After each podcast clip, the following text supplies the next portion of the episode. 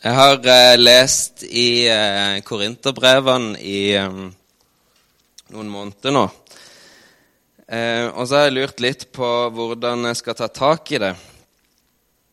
Eh, for jeg tenker at eh, det er ganske mye i første Korinterbrev som eh, jeg tenker at vi bør ha tak i som, eh, som kirke. Og det er jo et av de brevene som virkelig er bare sånn fullpakka med eh, viktige saker, teologi og hvordan man skal være, leve sammen. hvordan, ja, Alt mulig rart. Vi har allerede lest fra første Korinterbrev i dag, eh, der, Paulus, eh, der Paulus tydeligst snakker om nattverden. Um, så det jeg har bestemt meg for, det er at eh, jeg tror vi eh, skal bruke litt tid. Hvor lang tid det tar, det aner jeg ikke. Men på å gå gjennom første Korinterbrev litt, sånn eh, kapittel for kapittel. Um, og så eh, Ja, om det blir hver gang jeg taler, eller om det blir noe jeg tar fram sånn av og til, eh, så blir det iallfall det tanken at jeg skal gjennom første Korinterbrev etter hvert. Så det som vi skal gjøre i dag at dere skal få en introduksjon eh, til korinterbrevene. Eh, litt om, eh, litt om eh, situasjonen som var der, litt om byen og litt sånne ting. Og prøve å gi dere litt eh, kontekst for å forstå brevet bedre. Jeg har masse notater i dag, eh, så det er langt ifra sikkert at vi kommer gjennom alt. Jeg tviler vel på det, men vi ser hvor langt vi kommer. Det er ganske vilt, selv om det bare er ett, ett kapittel. Men det er altså så mye eh, å ta tak i, i eh, der. Eh, Korint var et av de stedene der Paulus oppholdt seg aller lengst. Han var der i ett og et halvt år. Og han var der Vi er på ca. 50-tallet eh, etter Kristus, altså da ca. 20 år etter at Jesus eh, var død og oppstått. Og Korint var ikke spesielt likt Konsmo. Eh, det var en kystby. Eh, den var til og med så kystete at den hadde to havner, én i hvert sitt hav.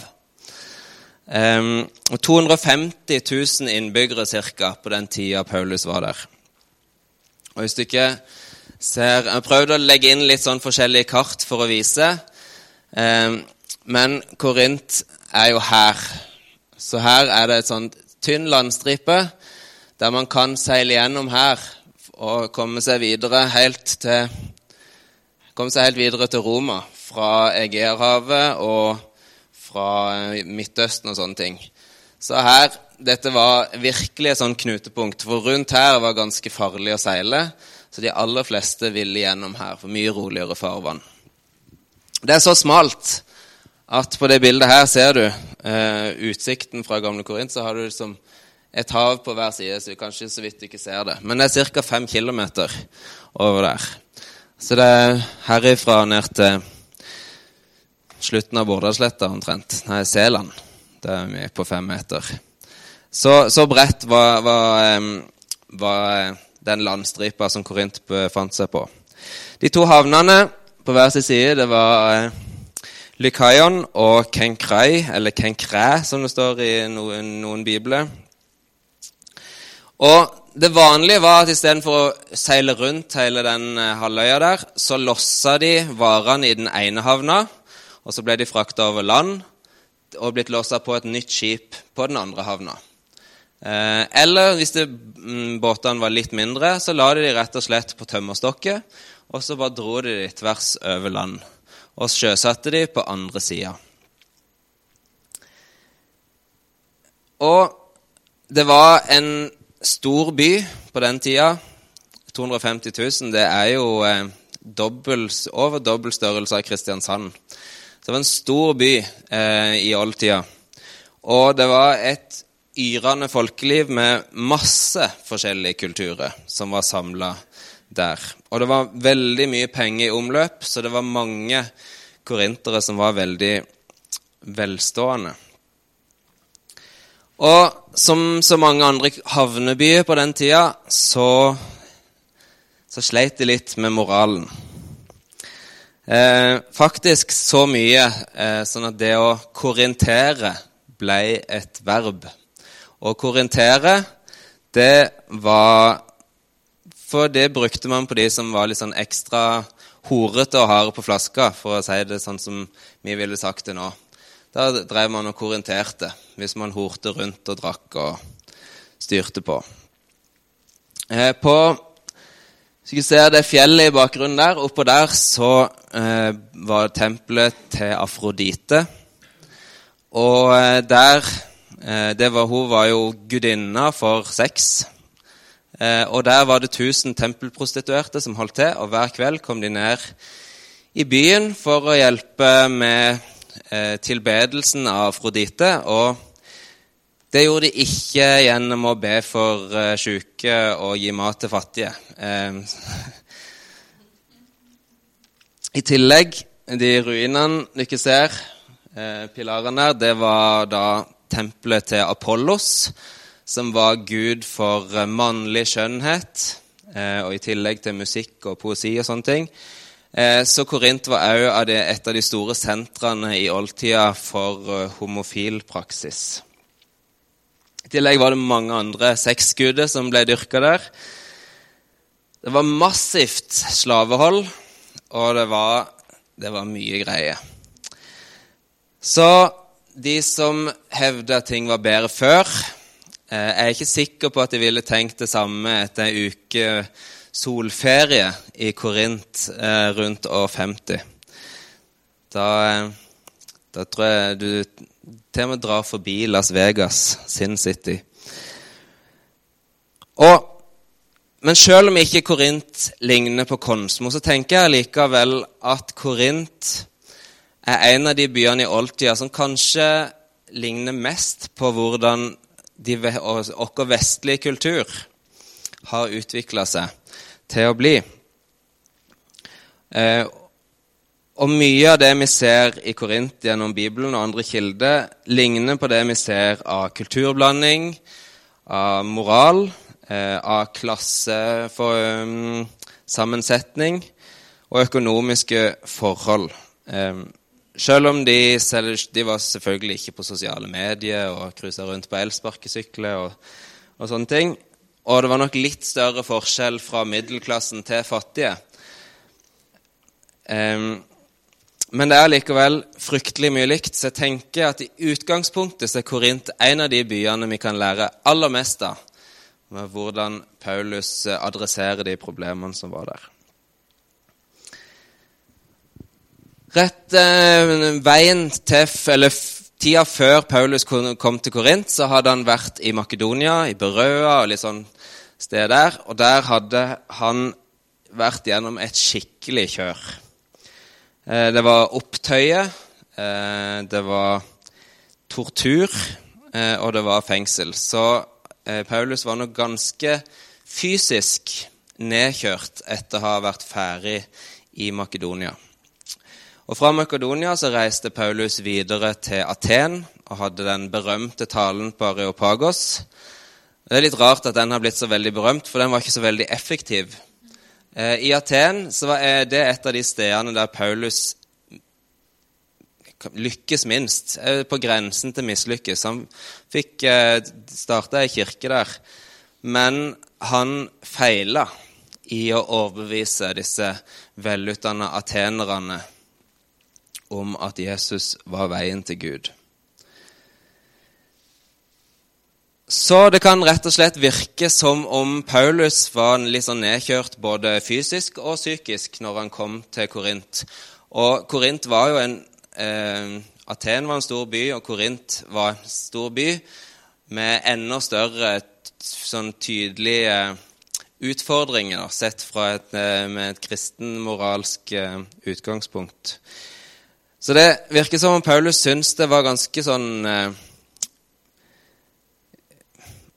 Litt sånn overveldende rett og slett å komme til Korint. Han beskriver det som at han kommer svak, redd og skjelvende til Korint. Og det er liksom ikke den Paulusen vi tenker på når vi leser mye av det han skriver.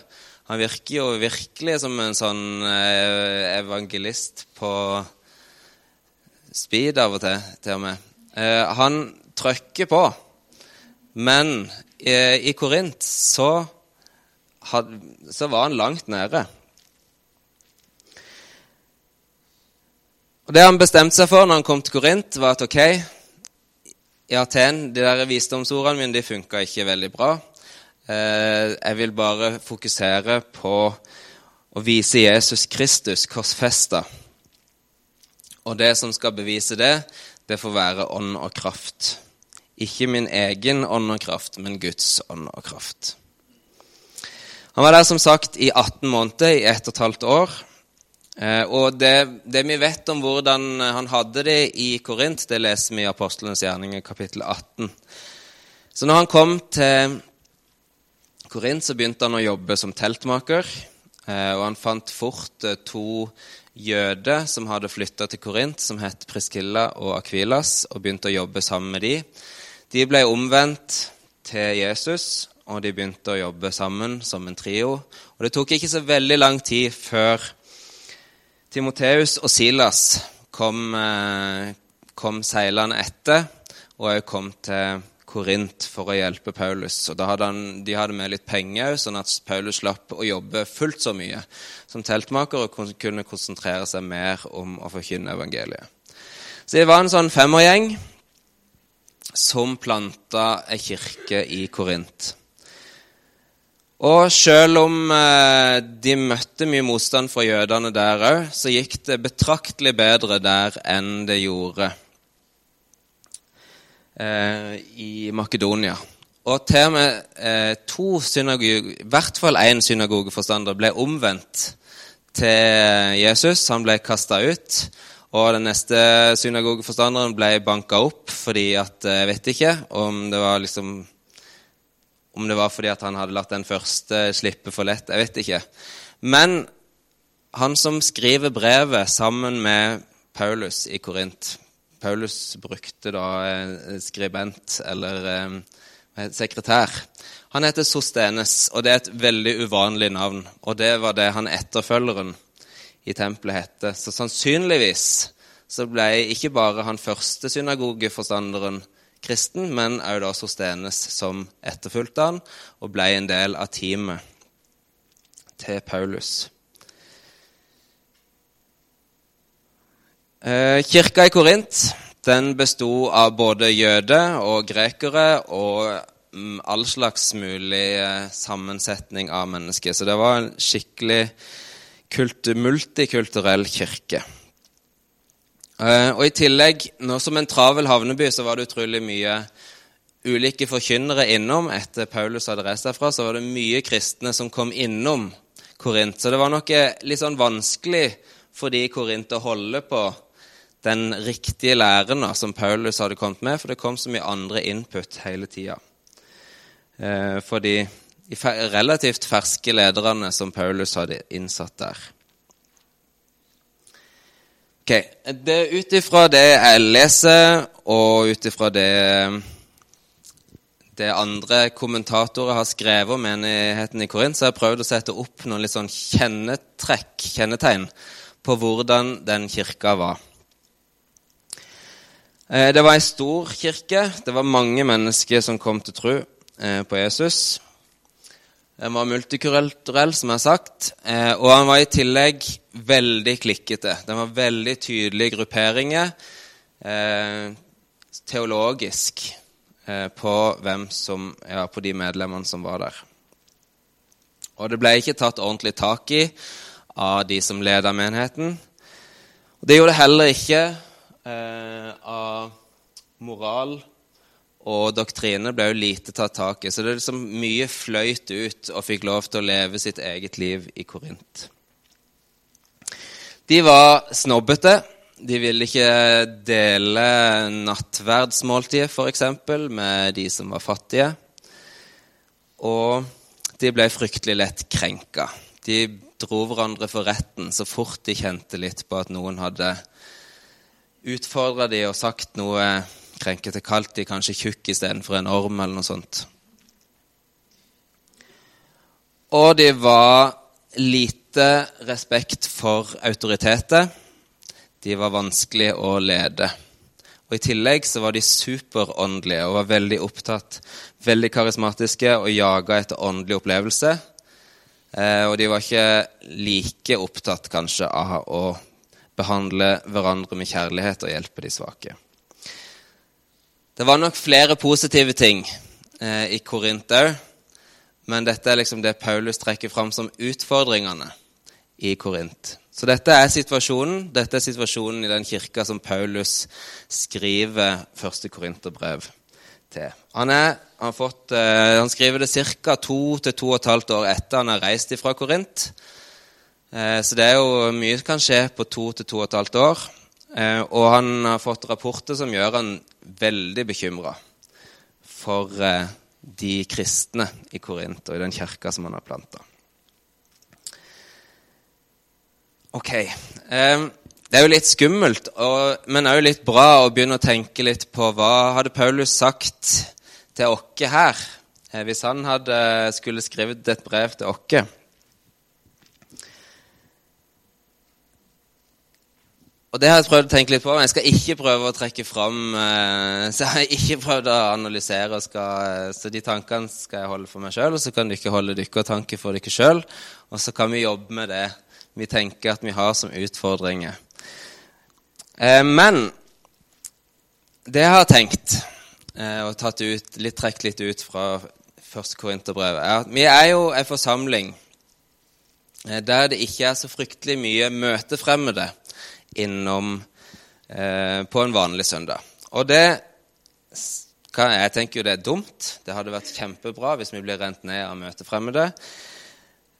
Eh, men det er sånn som det er nå. Og det tenker jeg ok, da eh, tar vi det som er nå. Eh, og da har jeg jo tenkt at eh, vi som taler, kanskje, og jeg som taler, gjør det av, ofte litt lett for dere.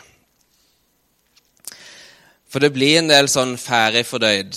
Eh, det er en del timer med research som ligger bak dette her. Så får du ikke det ferdig fordøyd ut, og så kan du ikke høre på det. Noen tenker kanskje en runde ekstra over det, og så reiser du ikke hjem. Og så blir det ofte med det. Og da kan det fort ende opp, hvis en ikke er veldig flink eh, og passer litt på seg sjøl, at en kan ende opp som åndelig umodne, som Paulus snakker om i kapittel 3. Og Jeg vet jo ikke hvor dere er på den åndelige modenhetsskalaen.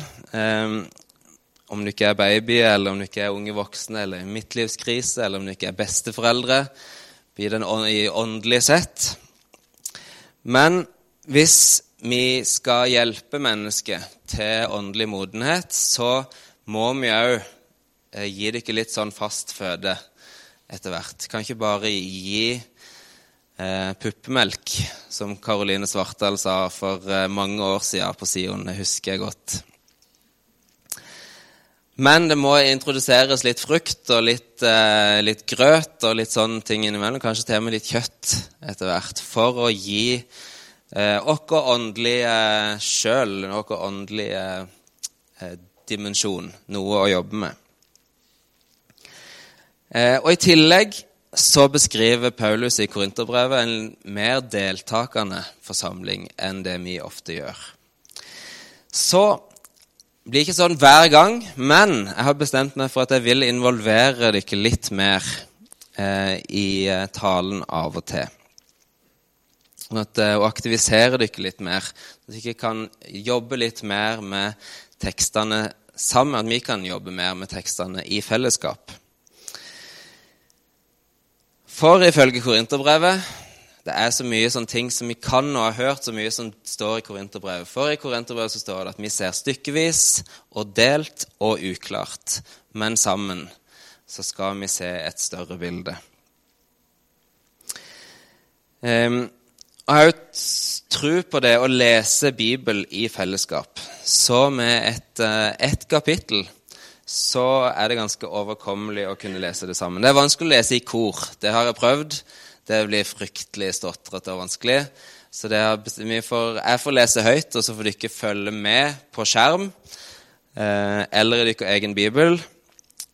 Litt vanskelig hvis dere ikke har 2017 Bibelen Guds ord-oversettelsen. for da leser du ikke noe annet enn meg, så da er det kanskje best å følge med på skjermen. Yes. Um, hvis noen ble litt sånn redde nå, så hva kommer nå, hva skal vi gjøre? Så uh, slapp av, det går bra. Uh, men jeg er litt nervøs sammen med dere, for jeg, tenker det er mye lettere å bare stå her og kjøre på. Uh, men vi, tida går og alt, så vi må forte oss litt. Men vi prøver. Vi prøver. Iallfall. Vi ber kort sammen før vi leser. Takk, eh, Gud, for at du har gitt dere Bibelen, ditt ord. Takk for at eh, det som står der, er der for å hjelpe oss til å forstå mer av deg, se deg, Jesus, og for å hjelpe oss med hvordan vi skal leve livene våre, og hvordan vi skal være med hverandre. Jeg ber om ditt åpenbaringslys over det vi skal lese sammen. Amen. Ok. Jeg har delt opp i tre deler, som så vi leser én del i slengen.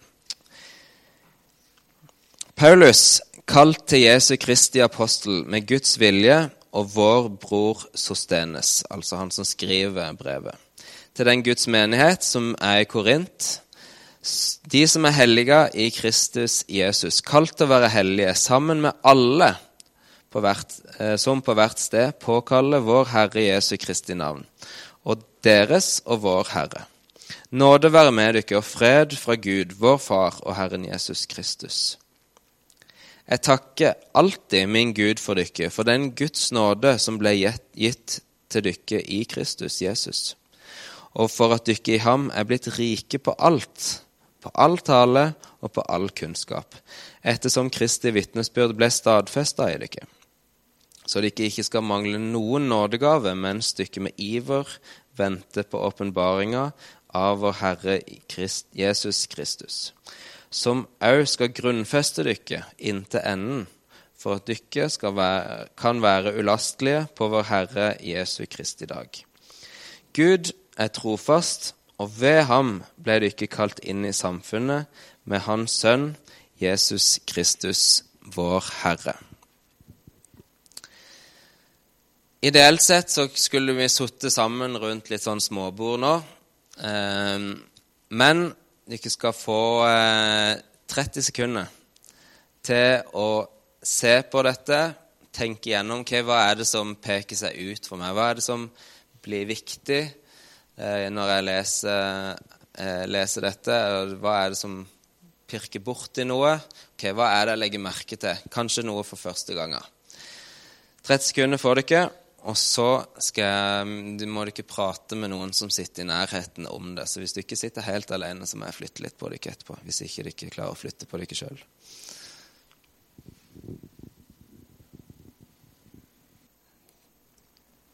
Dette var de tingene som eh, pekte seg ut for meg jeg, mens jeg har lest nå i det siste. Eh, jeg tenkte jeg skulle bare si litt uh, om det. Og så uh, tror jeg vi ikke kommer lenger enn de ni første versene. Før så kommer barna ned, og så, så, får vi se hvordan vi tar det videre en annen gang. Så kan vi synge sammen til slutt. Men at det er viktig for Paulus, og det har jo noe med det som kommer senere men det er viktig for Paulus å poengtere at det er Guds menighet. Det er ikke Paulus sin menighet, og det er heller ikke de sin egen menighet. Det er Guds menighet. Um, og det er Guds fellesskap av troende. Og de står heller ikke alene, de står sammen med alle som på hvert sted tilber um, Jesus. Og de står, ja, så vil si, de står sammen og òg med alle de troende som på hvert sted. Det vil si at de står sammen på hvert sted, og de står sammen med mennesker andre steder.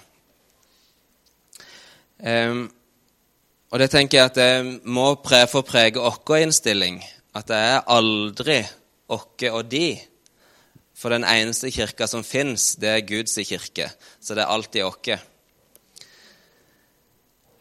Det fins bare én Kristi kropp i verden. Og det er heller ikke bare mi, eller det er heller ikke bare eh, Når Paulus snakker her om at i Han er dere blitt rike på alt, på all tale, på all kunnskap, så er det heller ikke da snakk om enkeltpersoner. Det er snakk om hele forsamlinga. Hele kirka er blitt rike på alt. Alt dette fins ikke hos én person, så for at vi skal få del i alt, så må vi komme sammen, eh, snakke sammen, og vi må jobbe sammen. Da skal det ikke mangle noen nådegave eh, når vi kommer sammen, alle sammen.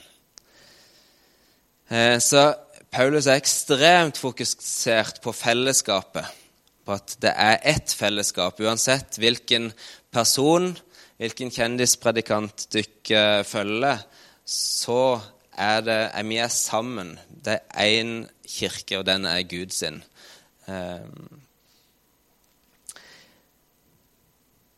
ja um,